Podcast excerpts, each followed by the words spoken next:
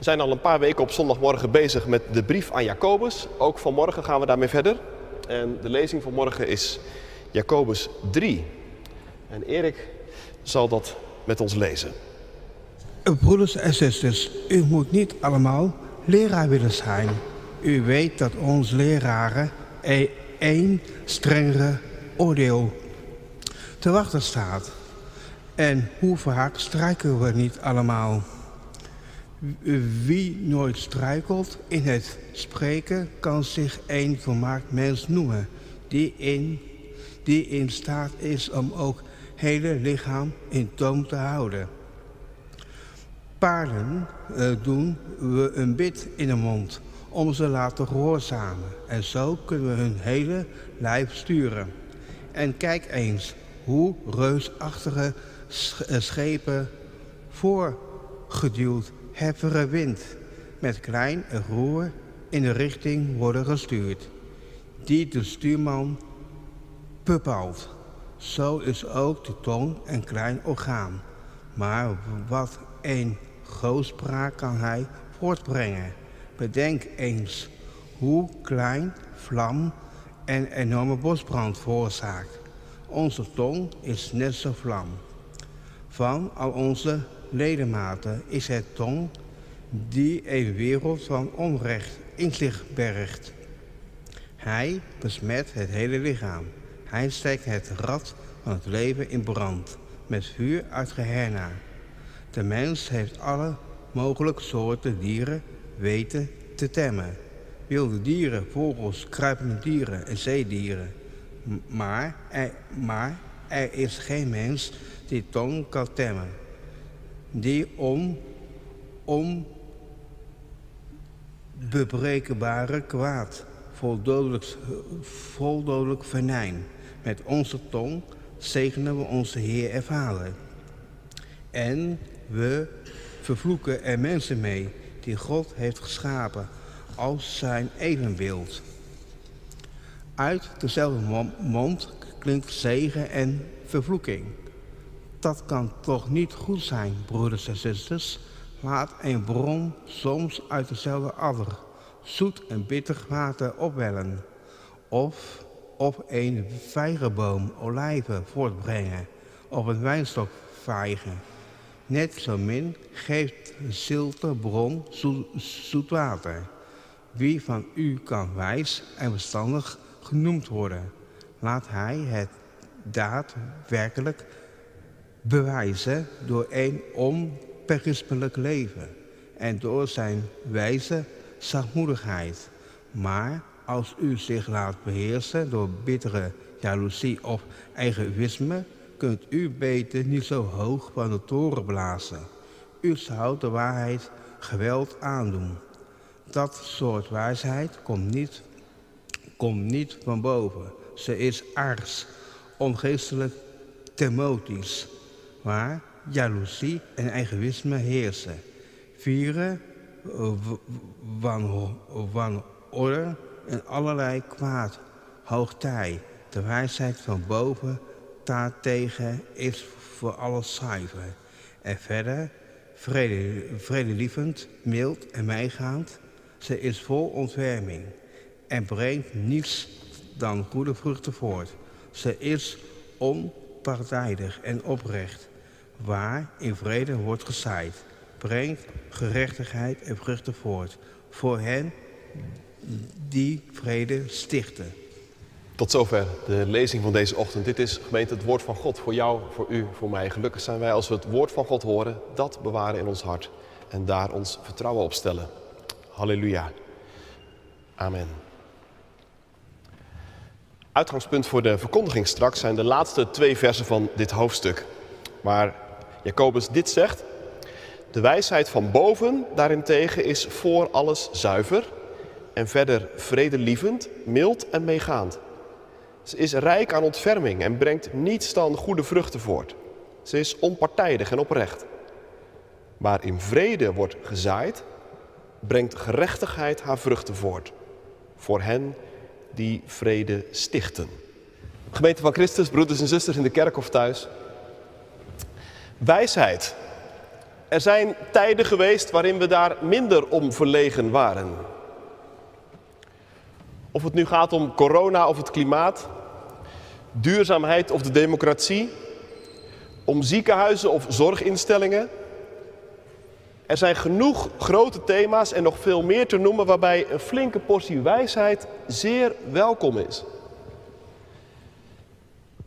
En naast al die grote thema's zijn er natuurlijk ook de talloze kleine thema's, gewoon in jouw en mijn dagelijkse leven, waarbij je zo ontzettend naar wijsheid kunt verlangen. Als je weer eens op een kruispunt staat en een keus moet maken, bijvoorbeeld voor een studie of een profiel, of als je op een dood spoor zit en je weet niet goed hoe het nu verder moet. Maar wat is wijsheid eigenlijk?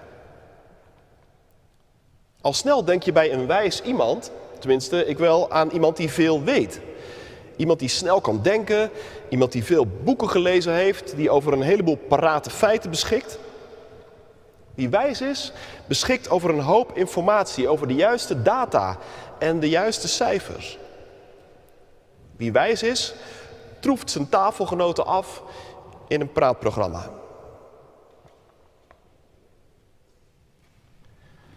Maar om het thema eerlijk te zijn, dat is niet wat in de Bijbel en in het christelijk geloof wijsheid heet. Op zijn best heet dat kennis. En nu is kennis natuurlijk heel veel waard. Maar wijsheid is meer. Je kunt veel kennis hebben zonder wijs te zijn. Maar ook het omgekeerde is mogelijk. Ik ken een aantal heel wijze mensen zonder ook maar één officieel erkend diploma.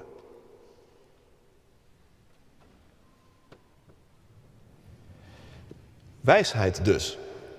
Dat is in Jacobus 3 ook het grote thema. Wie is wijs en verstandig onder jullie? roept Jacobus in vers 13. Wie? Vraagteken. Dat is dus blijkbaar nog niet zo heel duidelijk. Jacobus 3 is een onstuimig en onrustig hoofdstuk. Je ziet als het ware een groep mensen voor je en die staan allemaal te dringen bij de interruptiemicrofoon. Zo graag willen ze hun zegje doen. En de een vindt zichzelf nog wijzer dan de ander en, en daarom is het maar lastig op je beurt wachten.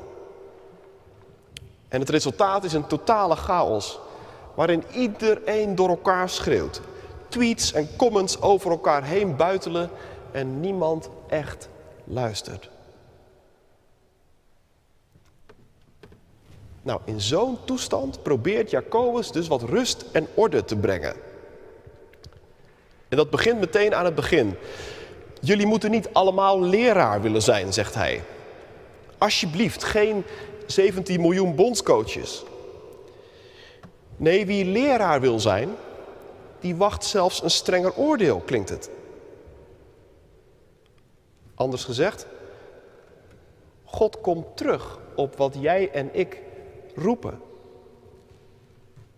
En hoe meer je roept, hoe meer reden God heeft om je ter verantwoording te roepen. Denk dus goed na over wat je zegt. Over wat je soms in je achterloosheid de wereld inslingert. Dat is dus niet zomaar om het even.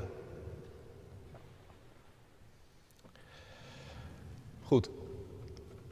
Niet allemaal leraar dus. Maar daarmee raakt Jacobus natuurlijk wel een gevoelige snaar. Want hoe maak je dan vervolgens onderscheid? Wie wel en wie niet? En wie bepaalt dat? Want wij hebben toch allemaal recht op onze mening. En wat is er nu meer frustrerend dan het gevoel dat er niet naar je wordt geluisterd? Dat je hoort bij een groep waarvan het geluid telkens maar wordt genegeerd of belachelijk wordt gemaakt. Nou, dat is inderdaad heel frustrerend. En het is in Jacobus dan ook niet om te doen om bij voorbaat allerlei mensen maar een beetje het zwijgen op te leggen. Laat staan dat hij willekeurig wil selecteren bij de poort. Jij wel, jij niet. Maar Jacobus heeft wel een criterium. wel een maatstaf. En die maatstaf is wijsheid. Wie iets te zeggen wil hebben, moet wijsheid kennen. Specifieker nog, wijsheid van boven.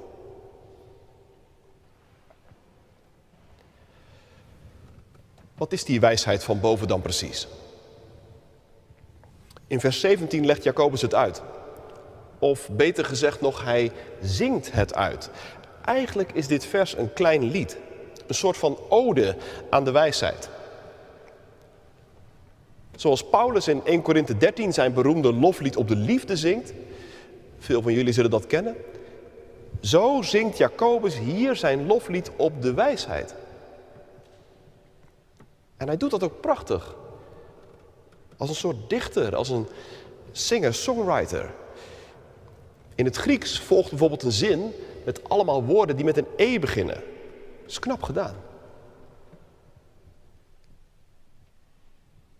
De wijsheid, zingt Jacobus, de wijsheid is voor alles zuiver.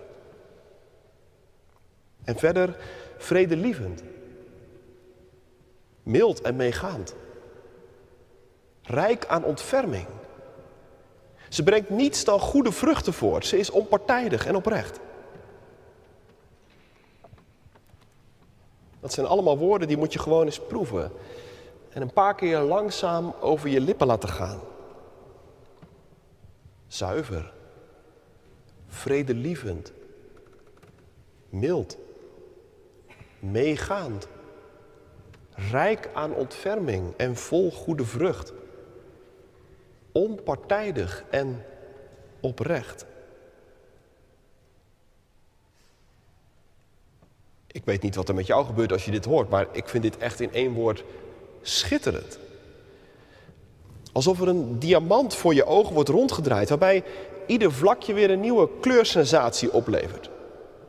Dit is dus wijsheid. Valt je trouwens ook op dat al die woorden die Jacobus hier op een rijtje zet niet zozeer met kennis te maken hebben. Wijs is niet degene die het meeste weet, of het slimste of het snelste is. Wijs ben je veel meer als je beseft wat voor effect jouw woorden en jouw meningen hebben. Wat ze teweeg brengen. Wijs ben je als je je kennis en je kunde en je meningen en alles wat je geleerd hebt, dat je dat zo inzet dat iedereen denkt, dit is zuiver. Dit is geen opportunist, niet iemand die dan weer dit en dan weer dat roept, net hoe het hem het handigst uitkomt. Nee, wijs ben je als je woorden vrede brengen. Niet nog meer olie op het vuur. Niet nog meer verdeeldheid. Niet nog meer mensen die door jou toedoen tegen elkaar worden uitgespeeld. Wijsheid van boven doet precies het tegenovergestelde. Die is mild en meegaand, staat er. Nou is dat laatste woord een beetje moeilijk te vertalen. Meegaand. Er wordt niet bedoeld dat wijsheid alleen maar betekent dat je altijd met iedereen meebuigt of met alle winden meewaait. Je moet meer denken aan een houding waarin je bereid bent om je te laten overtuigen. Voor reden vatbaar.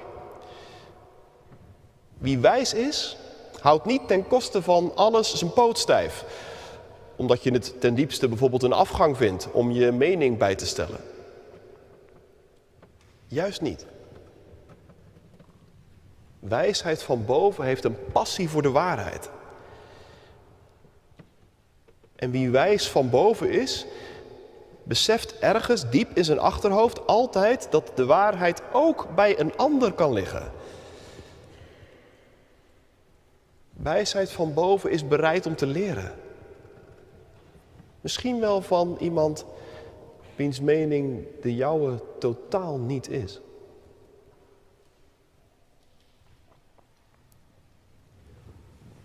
Want alleen dan kun je ook rijk aan ontferming zijn, zoals Jacobus het zegt. is ook al zo'n schitterend woord dat iets zegt over de manier waarop je naar een ander kijkt.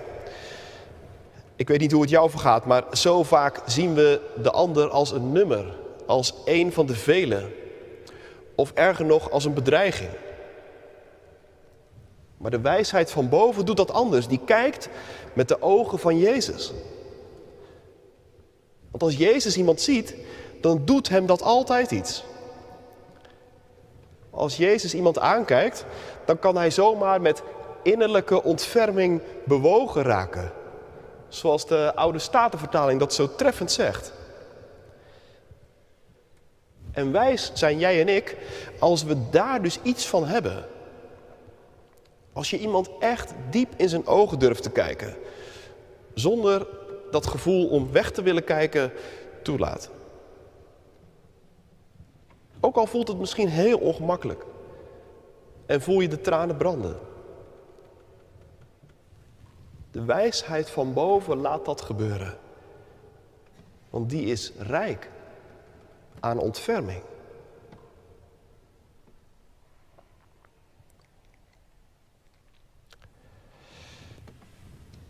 Ja, weet je, en nu toch de naam van Jezus viel,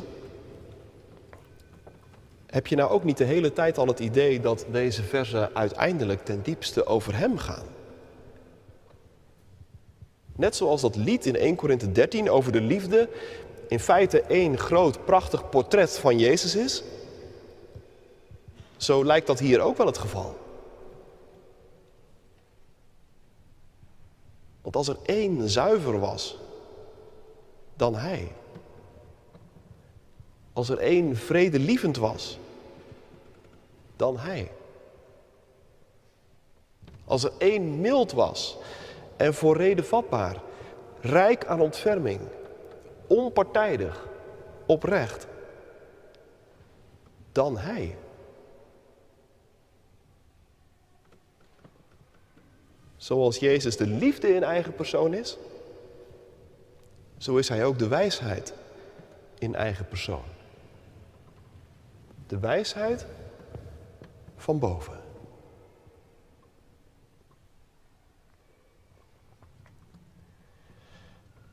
Ja, en als je dat dus een beetje voor je ziet, als je Hem voor je ziet, dan krijgt ook de zin waarmee Jacobus dit hoofdstuk afsluit ineens een hele diepe betekenis.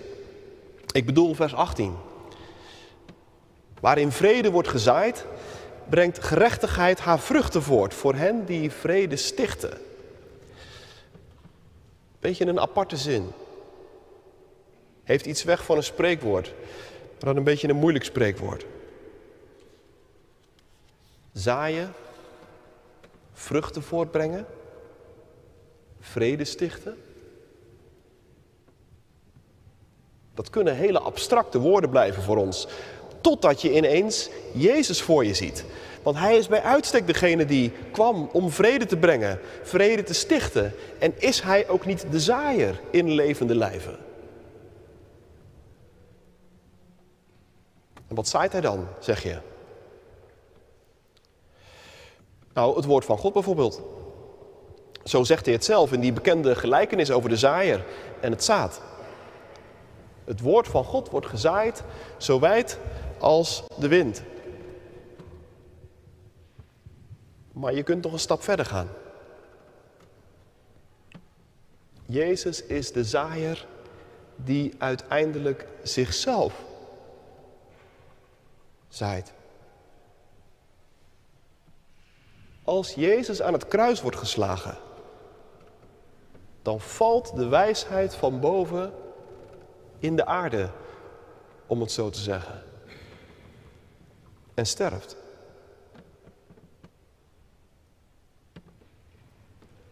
Op dat moment, dan lijkt het erop alsof de wijsheid van beneden, waar het in dit hoofdstuk ook over gaat, dat die definitief gewonnen heeft.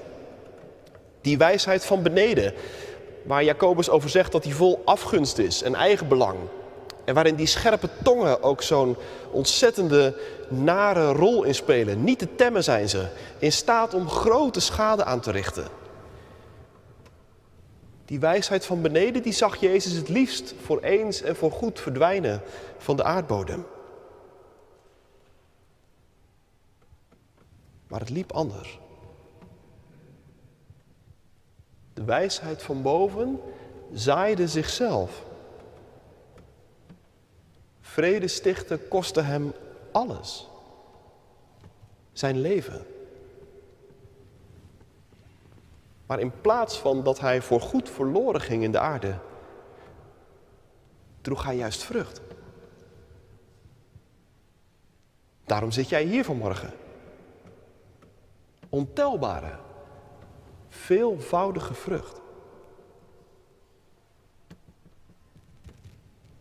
Dat is het grote mysterie, het grote geheim van christelijk geloof. Dat er een dood is van Hem die ons leven is. En dat vieren wij vandaag.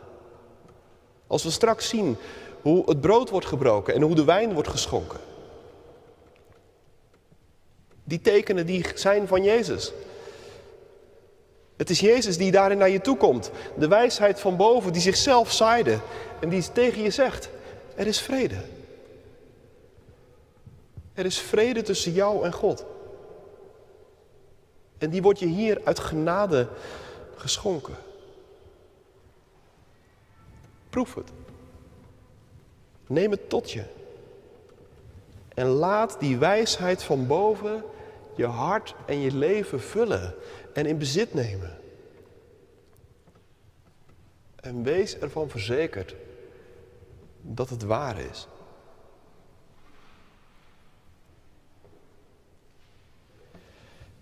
En wees daarna dan in het spoor van Jezus ook zelf zo'n vredestichter. Wees iemand die de wijsheid van beneden links laat liggen. Je weet wel, die wijsheid met zijn scherpe tong, die uiteindelijk, zegt Jacobus, altijd chaos en wanorde sticht. Omarm juist de wijsheid van boven. Met die prachtige kanten van de diamant, zuiver, vredelievend, welwillend, voor reden vatbaar, vol ontferming, onpartijdig, oprecht.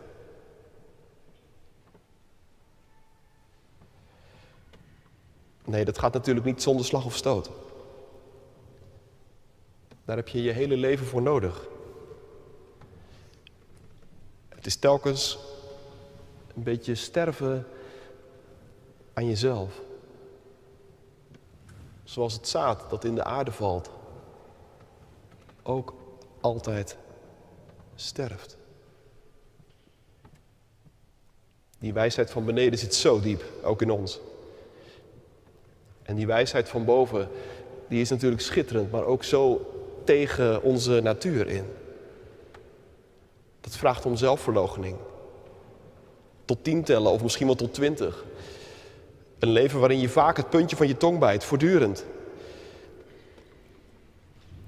En nee, het is ook zo vreemd niet als je van tijd tot tijd denkt: ik hou ermee op.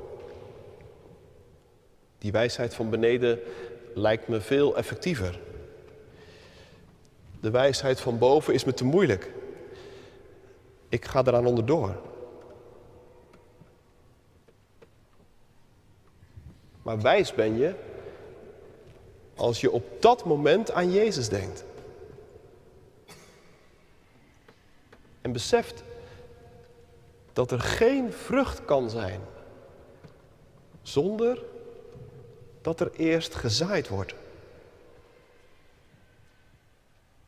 Er is geen leven zonder eerst te sterven. Maar in dat sterven schuilt die ontzaglijke belofte van vrucht, van vrede. En morgen, morgen zal het Pasen zijn. Amen.